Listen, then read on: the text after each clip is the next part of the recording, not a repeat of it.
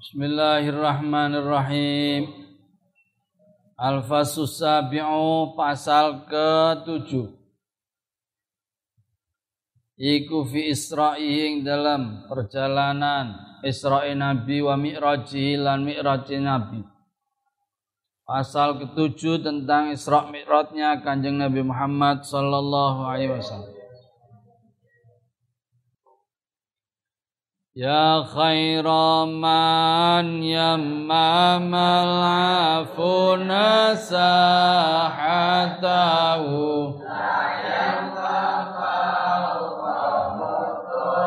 أين الرسوم يا خير من هي سأبي-api wong he api-api wong Yamama kang bermaksud sapa al-afuna wong sing jaluk ngapura. Yamama kang menuju. Sapa al-afuna wong-wong sing jaluk ngapura. Sahatahu ing halaman. Rumahnya man Ya khairaman he saapi-api wong yamama kang bermaksud sapa al-afuna wong-wong sing jaluk ngapura sahatahu ing alamane wong. Sakyan kelawan melaku cepet. Wa fauqa mutunil ainukilan ing dalem.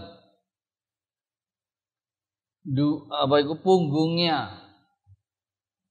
Punggungnya onta. Ainuk ainuk Ainuk sama dari nakoh.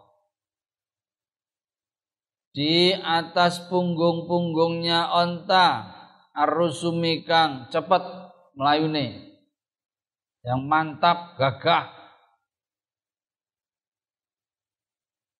Wahai manusia terbaik yang kediamannya dijadikan sebagai tujuan para pencari kebaikan baik dalam keadaan berjalan kaki atau di atas kendaraan onta yang berjalan cepat.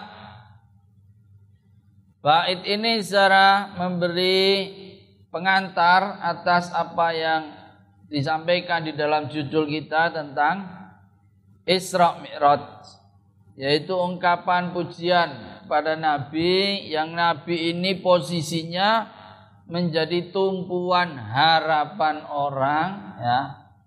Menjadi tumpuan harapan orang dimintai pertolongan dijadikan wasilah untuk meminta maaf meminta ampunan.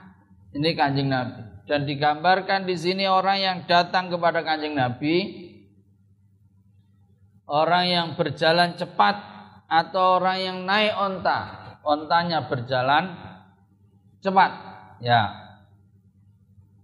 Kenapa kata cepat ini dipakai? Sa'yun, sa'i, sa'i. Sa'i itu bukan berjalan biasa. Sa'i itu jalannya agak cepat. Ketika Anda nanti sa'i ya antara sofa dan marwah amin maka anda harus berjalannya itu tidak redali di sa'i itu berjalannya cepat. Sedangkan ai mutunil ainuki rusumi atau naik onta yang jalannya juga cepat, onta yang gagah. Onta yang gagah tidak onta yang kelemak kelemek, onta mesti dong dong dong dong, mesti cepat ya Mantap. Jadi pertanyaannya kenapa cepat ini menjadi menjadi tema di dalam bait ini. Ya, karena keinginan dari orang-orang yang datang pada beliau untuk segera mendapatkan pertolongan. Kecepatan ini kecepatan di dalam segera Nabi itu memberikan pertolongan melalui perantaraan doa kepada beliau ya. Ini cepatnya itu diungkapkan dalam bentuk kecepatan. G. Guna mendapatkan apa yang mereka harapkan. Ini cepat itu menunjukkan mereka butuh sekali. Mereka menunjukkan harapan besar. Ya.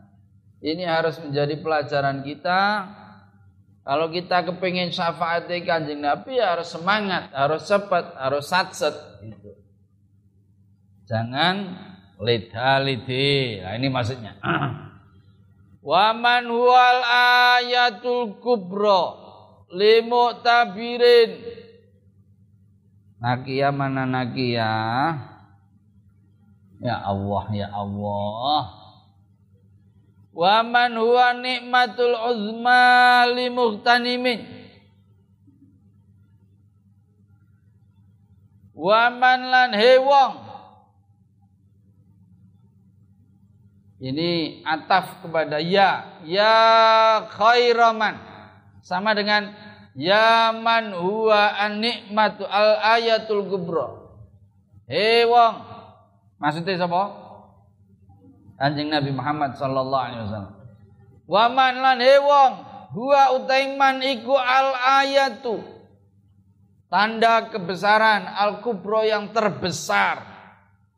Limuk tabirin bagi orang yang mengambil pelajaran.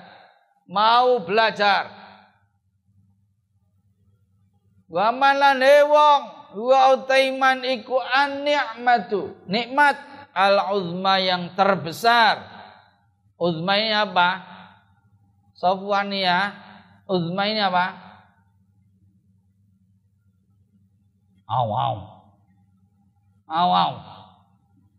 A'zamu a'zamani a'zamuna a'azimu uzma. Berarti apa? Isim tafdil, af'al tafdil, ya dah?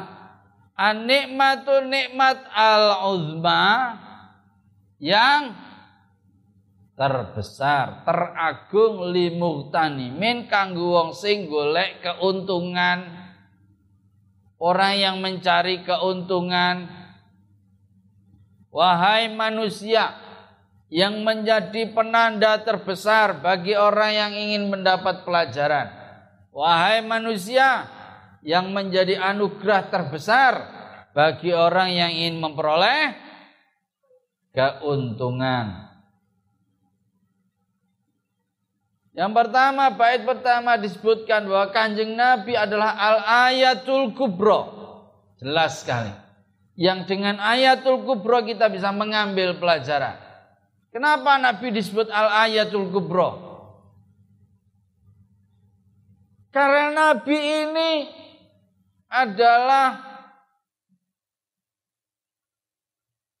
apa? Uh, Al-Quran yang berjalan. Nabi ini adalah representasi dari Quran. Yang diinginkan oleh Allah terhadap manusia ini ada pada sosok Kanjeng Nabi Muhammad Sallallahu Alaihi Wasallam. Jadi beliau al-ayatu al-kubro. Tanda kebesarannya Allah yang terbesar Kenapa? Karena Allah ngendikan wa innaka ala khuluqin adzim. Engkau Muhammad, engkau memiliki khuluqin azim. Perilaku yang agung. Ya? Ini Gusti Allah sing ngendikan.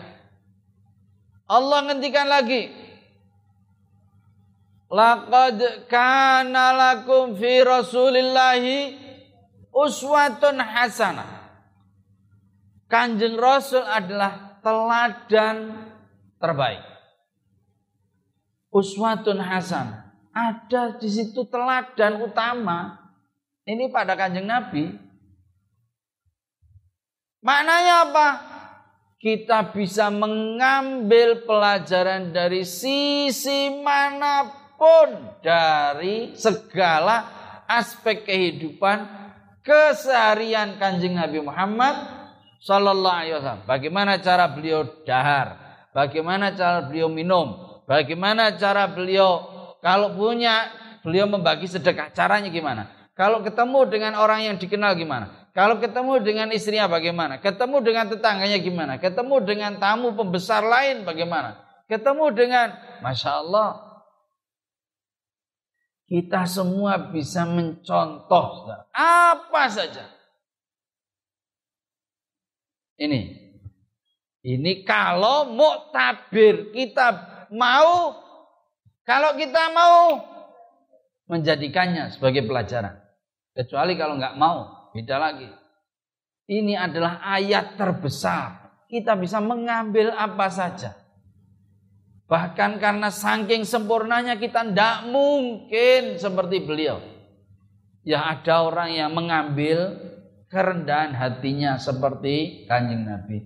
Ada yang mengambil sholatnya seperti kanjeng. Apa yang mengambil sholat duhanya. Ada yang mengambil senengane sholat witirnya, ada yang senengane sedekahnya, ada yang senengane senyumnya, ada yang senengane cuma ke mana-mana alhamdulillah. Kata alhamdulillah. Jatuh alhamdulillah. Ada orang begini ada. Tapi apakah dia senang sedekah? Belum tentu. Apakah dia senang ya dah bisa men, e, mengajar orang dalam keadaan apa? Belum tentu. Dan di situlah kita ini sekarang. Kita ini hanya mengambil sebagian-sebagian kecil dari sisi-sisi kehidupan Kanjeng Nabi Muhammad SAW. Kalau mau, ini loh, mu tabir. Kalau kita mau mengambil sisi kehidupan, ya. Aspek yang kedua, waman huwa an-nikmatul uzma limuhtanimin. Nabi juga nikmat terbesar al-uzma. Ya, Nabi disebut nikmat terbesar karena beliau itu kalau dalam pidato-pidato di desa-desa yang telah membawa kita dari zaman kegelapan, zaman jahiliyah ke zaman terang benderang, gitu. Banyak listrik.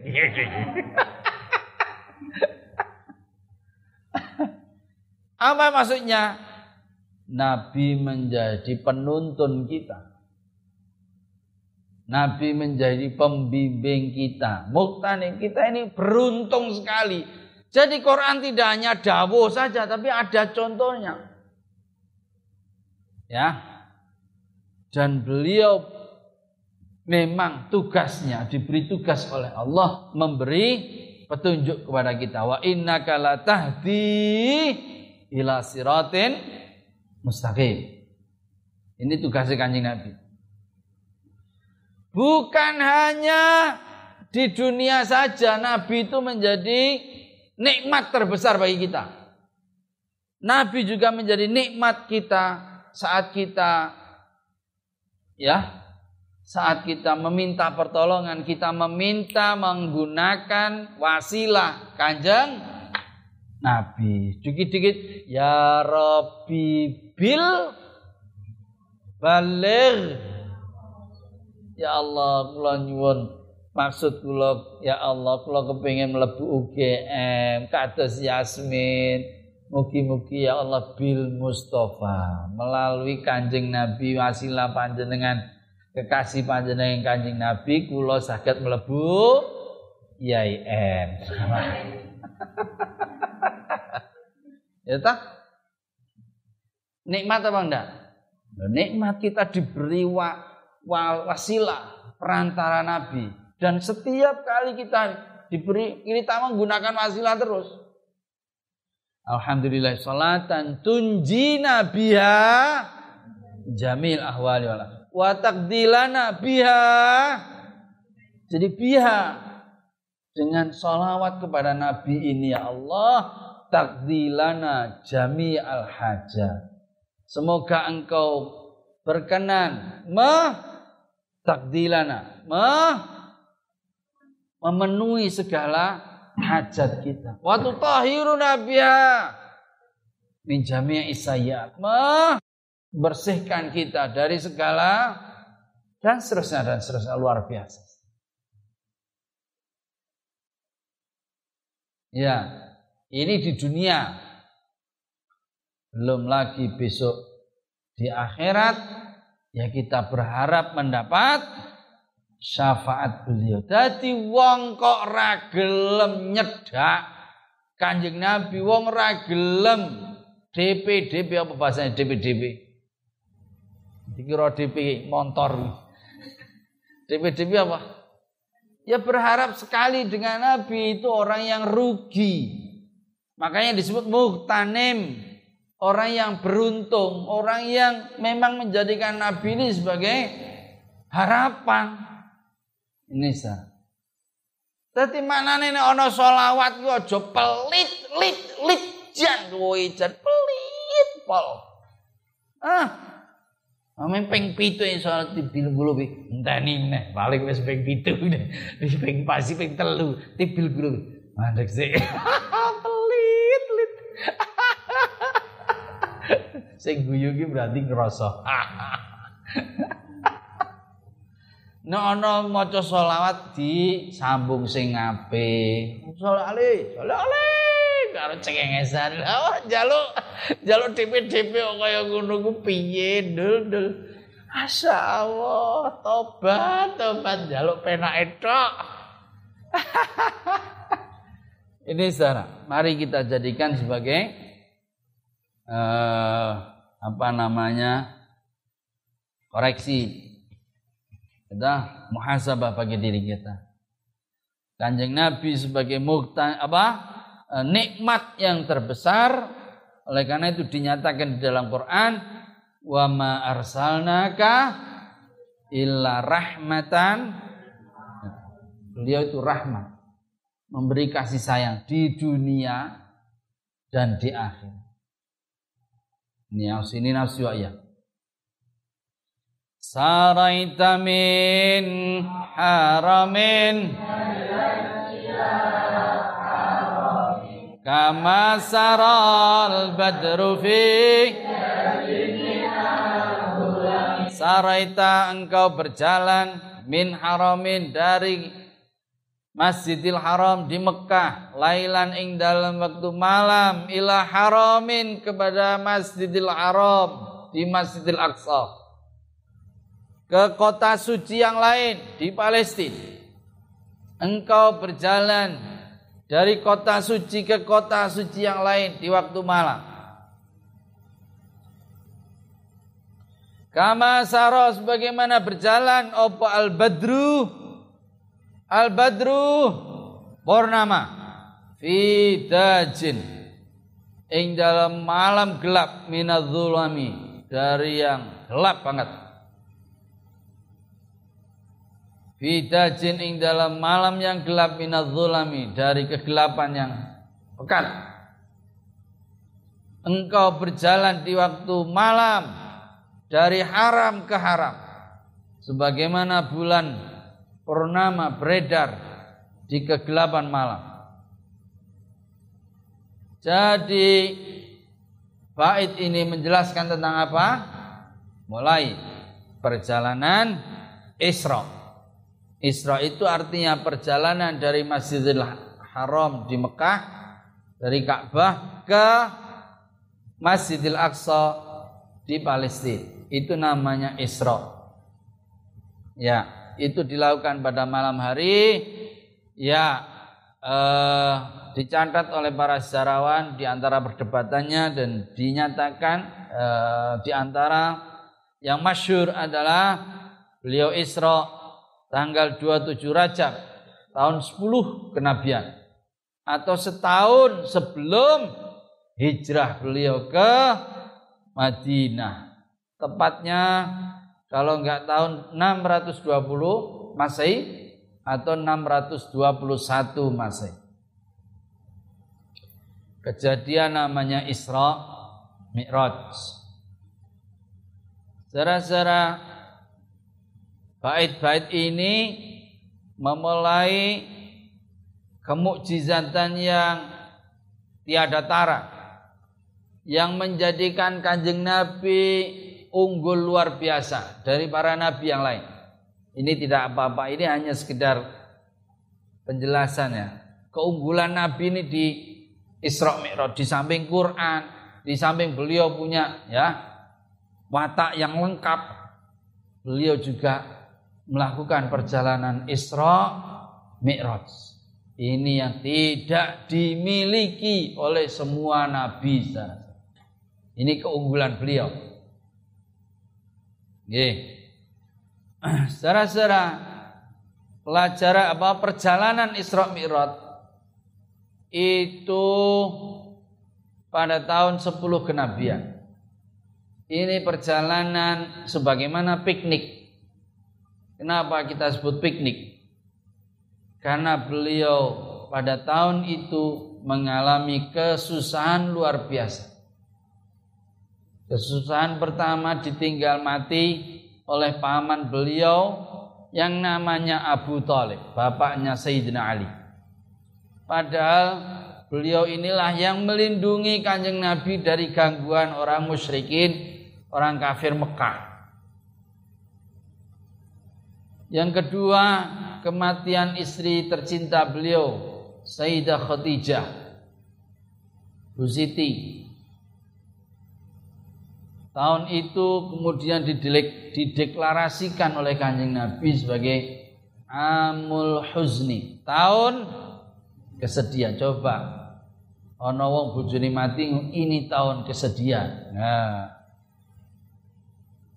Dan saudara-saudara penting sesudah tahun sesudah kematian Sayyidah Khadijah tiga tahun kanjeng Nabi tidak kawin tiga tahun jomblo enak aja dikirone uh, Puan enggak.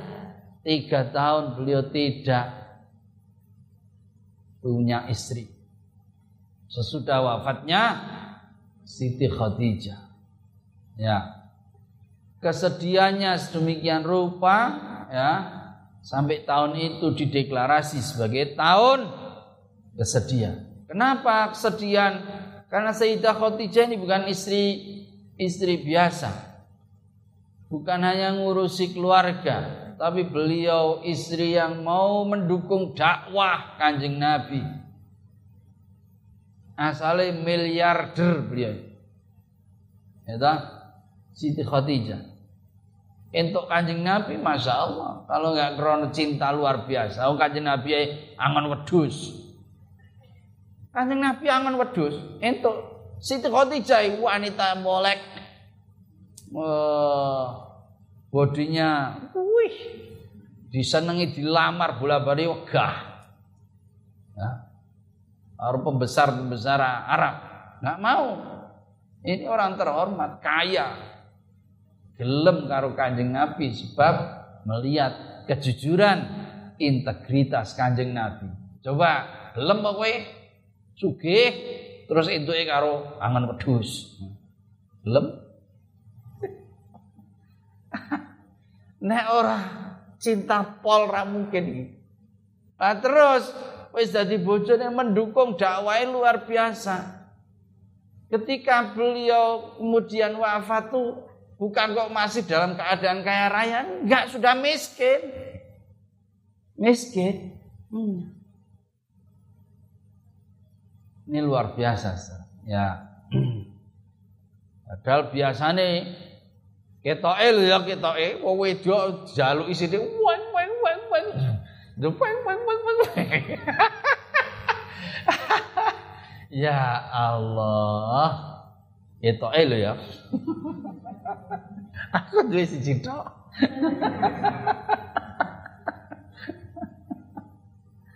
Ini secara Masya Allah. Jadi tahun itu beliau tahun sedih.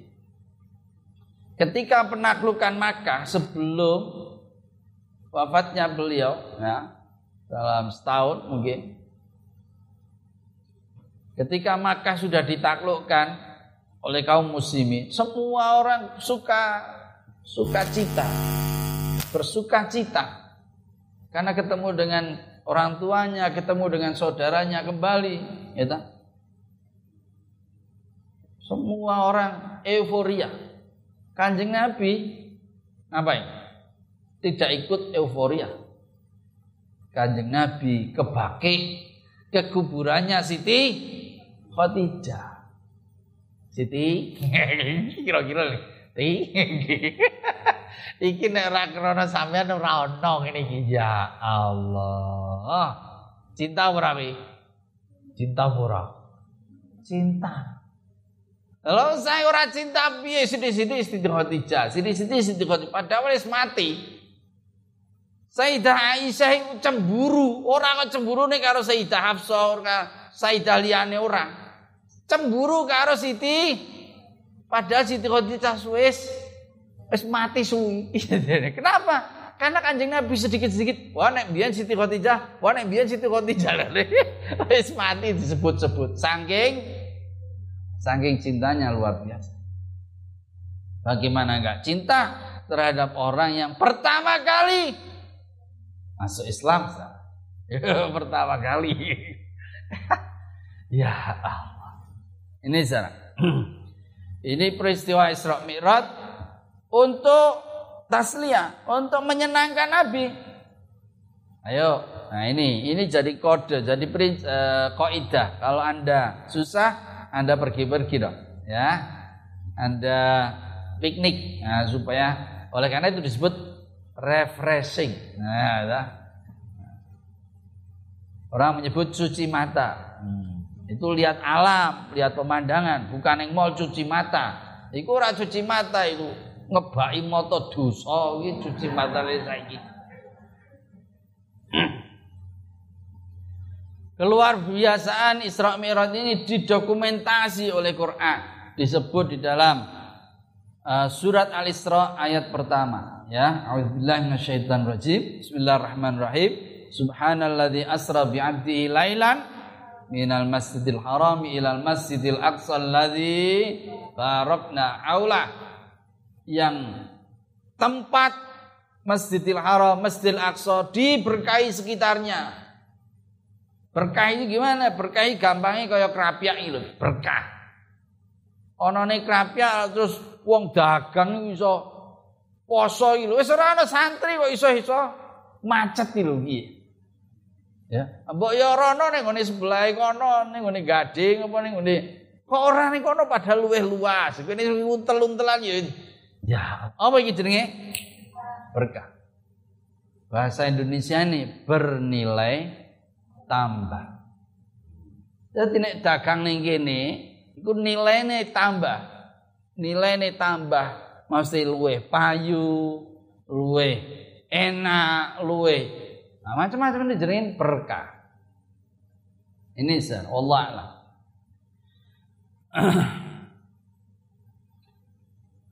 Dan perjalanan Nabi seperti perjalanannya bulan purnama. Hari ini hari-hari bulan purnama. Sama bisa lihat kalau malam sedemikian terang itu seperti itulah laksana kejelasannya itu tidak terbantahkan. Jangan sampai Anda kemudian tidak percaya dengan perjalanan Isra Mi'raj. Gimana Nabi waktu itu rano jet, rano helikopter. Gimana perjalanan percaya wae. Ora usah ngeyel-ngeyel. Ya agama iki nganggo ngono kuwi. Tak baleni nek umpamane Quran dawuh percaya Nabi Yunus sing mangani wak percaya ora? kudu percaya, ora-ora percaya. Hmm. Kudu percaya soalnya sing dawi agama. Ini zarah. Dan perjalanan Isra Mi'raj memberikan kita banyak pelajaran, ya, banyak sekali pelajaran. Di antaranya kita difahamkan bahwa haram ilah haram.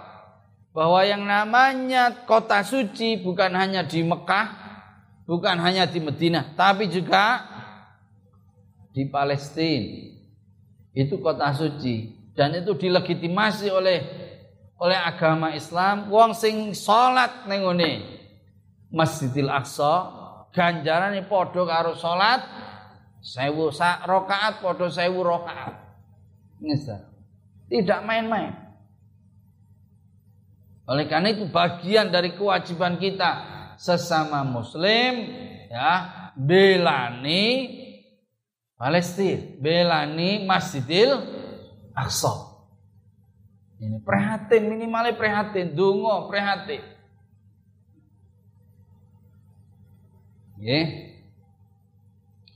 Demikian juga peristiwa Isra Mi'raj ini menyambungkan bahwa agama kita ini bukan agama yang asing. Agama kita ini agama yang nyambung sanatnya dari mulai Nabi Adam, Idris, Nuh, Saleh sampai hari ini Kanjeng Nabi Muhammad sallallahu alaihi wasallam.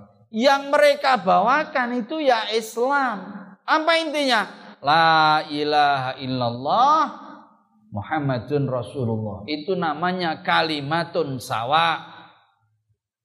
Ya, ya ahlal kitab uh, apa? Uh, apa? Ila kalimatin sawab ya. Hmm?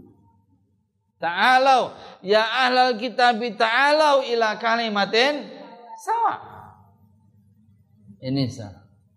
Jadi agama kita ini bukan agama yang asing. Agama kita ini agama gaweane Gusti Allah wat'un ilahiyun. Agama ini podo karo agama ini Nabi Isa, Nabi Ad, Musa, Nabi Soleh, Nabi Ibrahim, Nabi seterusnya. Tidak beda. Dan dipertemukan oleh Allah semuanya ya di Masjidil Aqsa. Kemudian Mi'raj di langit-langit itu ketemu dengan para nabi. Lah nek nek beda di paido Kanjeng Nabi. Lho kowe piye ngajar kok beda karo aku? Oh ndak ada di paido. Kenapa? Karena yang diajarkan itu sama bahwa syariat jarannya cara melaksanakannya beda-beda disesuaikan dengan masa, dengan zamannya. Nek zamane Nabi Adam sing jenenge kawin kuwi entuk karo kakang adi oleh Habil, adine Habil apa sedulure Habil sak kandung karo sedulure Kobil, sedulur Kobil itu Habil, itu kakak ngadi. Syariat zaman ngono ya oleh. Ya kuwi anane kuwi wong wedoke piye meneh? Lanang karo wedoke anane kuwi. Hmm. Syariat zaman Nabi Musa ya sing jenenge wong lanang kan mati kabeh. Jadi wong lanang entuk kawin wong pira? Bojo pira? 300. Lha iki. Oh, toh. Oh, akeh sapa jenenge? Lali aku. Saking akeh. Hei umat. Saking umat. ya ta, beda zamane Nabi Isa. Krana zamane kuwi wis sepadan siji lawan siji. Zamane Kanjeng Nabi Muhammad sallallahu alaihi wasallam syariate entuk nganti papat soalnya perbandingane akeh wong wedok. Ini real kenyataan tidak otok-otok statistik. Dari ini Yasmin statistik. ini sah. Jadi tidak jadi ini namanya agama ini tidak main-main, gitu. Ini agama gaweane Gusti Ini penting. Jadi peristiwa Isra Mi'raj menyambungkan sanat keagamaan kita dengan sanatnya para nabi-nabi terdahulu. Ini secara ya. Nanti cerita lagi. Terus dulu. Wabit tatarqa ila anil taman zilatan.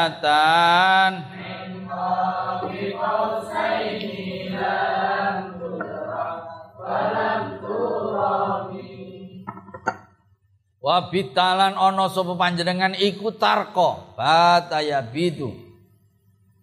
Bata bata batu bitna bitta bitu wa bitum bita ana sapa panjenengan iku tarko. Naik sapa panjenengan. Ila anil tahinga mencapai memperoleh sapa panjenengan. Manzilatan ing kedudukan. Ing panggonan. Ing tempat. Mingka ini masya Allah. Mingka ini dari ukuran seukur kausain. Dua busur panah, dua ujung busur panah. Busur tahu busur? Yang buat yang buat memanah itu loh. Lam tudrok tidak bisa dicapai apa manzila walam turam dan tidak bisa diharapkan apa manzila Masya Allah Masya Allah Kanjeng Rasul dalam mi'raj tadi Isra sekarang mi'raj. Mi'rajnya sampai ke lantai ke lantai? Ke tingkat pol. Tingkat yang namanya Sidratul Muntah. Allah alam kayak apa? Katakanlah itu tempat ya diilustrasikan sebagai Sidratul Muntah yang di situ Gusti Allah ketemu karo Kanjeng Rasul Muhammad sallallahu alaihi wasallam. Sing ngendikan dia Gusti Allah, ora Kanjeng Nabi, Gusti Allah. Ya. Allah ngendikan di dalam surah An-Najm, wa huwa bil ufuqil a'la, thumma dana fatadalla fakana qaba qausaini au adna. Gusti Allah sing ngendikan, Gusti Allah ada di ufuk tertinggi, kemudian Allah mendekat dan lebih dekat lagi. Maka jadilah dia dekat kepada kanjeng Nabi Muhammad sejarak dua ujung busur panah au adna atau bahkan mungkin lebih Gusti Allah sing ngendikan bukan deskripsi ini kanjeng Nabi Gusti Allah dekatnya itu kalau umpamanya busur tanah itu katakanlah sak meter gini toh Eh, ujung sama ujung ini loh. Kausain. Ya. Jadi kalau dipanjangin kan berarti antara sini dengan ini saja. Dekatnya. Au adna atau bahkan mungkin Quran yang ngendikan Quran loh. Apakah sedekat itu? Allah mungkin lebih dekat atau itu gambaran yang majazi, tidak sebenarnya. Hanya untuk apa? ingin menggambarkan sangat dekatnya Allah dengan Kanjeng Nabi Muhammad sallallahu alaihi wasallam. Iki sing ora ana wong iso Oleh karena itu disebut di sini lam tudrok. Jangan Anda tuh nggak mungkin di sana. Kita semua nggak bisa di sana. Nggak bisa dicapai kita seperti itu, nggak bisa mencapai itu. Walan turong, jangan berharap kesalahan, jangan, nggak ada itu hanya derajat yang dimiliki oleh kanjeng Nabi Muhammad Sallallahu Alaihi Wasallam. Para nabi nggak dapat, malaikat nggak dapat. Yang dapat ini hanya kanjeng Nabi. Lam tudrok, nggak pernah ini ketemu gitu itu. Tempat sedemikian de dekat dengan Gusti Allah. Masya Allah, ya. Jadi Kanjeng Nabi mencapai derajat sedemikian itu. Coba, kalau bukan kekasih Gusti Allah, kalau bukan kekasih, bisa nggak dapat seperti itu? Nggak dapat lah. Ya. Kenapa kita bisa karo bojone saranjang? Kenapa ya? Karena yang tegat sendiri gitu. Nah orang bojone orang mungkin saranjang. Ibaratnya gitu. Nah ini kok bisa sedekat begitu kalau bukan kekasih? Ya nggak mungkin. Oh malaikat aja nggak nyampe kok. Masya Allah. Ini ya. Jadi ini bukan karangan nih Imam Busiri. Bukan karangan nih. Kanjeng Nabi yang ngendikan Gusti Allah sendiri. Kedekatannya min qausaini au adna. Luar biasa. Yeah.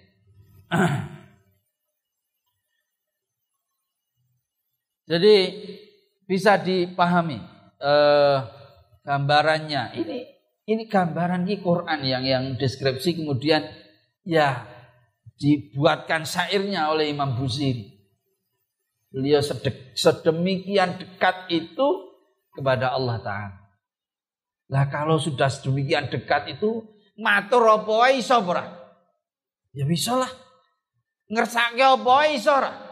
Oh di tempat di mana yang lain nggak dapat kok. Ya, luar biasa, saudara.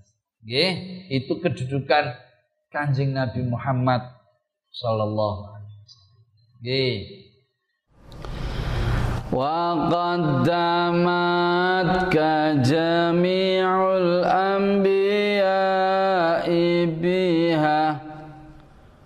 والرسل تقديم مخدوم على خدم وقدمت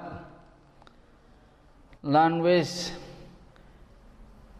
dhisike ka ing sira sapa jami'ul anbiya'i sekabiane para nabi biha sebab manzilah warusli lan para rasul takdima makhdumin kaya dhisik kene.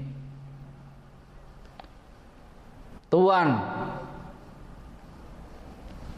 Yang dilayani ala khadamin ing atase khadimi pelayani. Sebab kedudukan itu para nabi dan rasul mempersilahkanmu berada di depan sebagaimana penghormatan para pelayan terhadap atau kepada majikan. Bait ini menunjukkan sebab kanjeng Nabi mendapatkan posisi yang luar biasa di sisi Allah bisa bertemu dengan Allah sowan dengan Allah menjadikan para nabi memberikan kesempatan kepada kanjeng Nabi Muhammad Sallallahu Alaihi Wasallam berada di depan.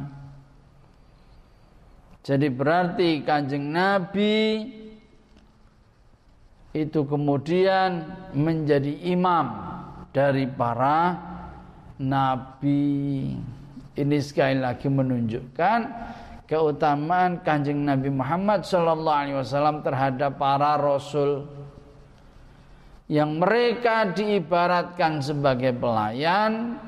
Ya bagaimana para pelayan itu melayani majikan Nah, tentu karena yang namanya majikan mestinya ditaruh di depan, nah, meskipun terlambat, meskipun itu posisinya paling bontot, sebagaimana kanjeng Nabi.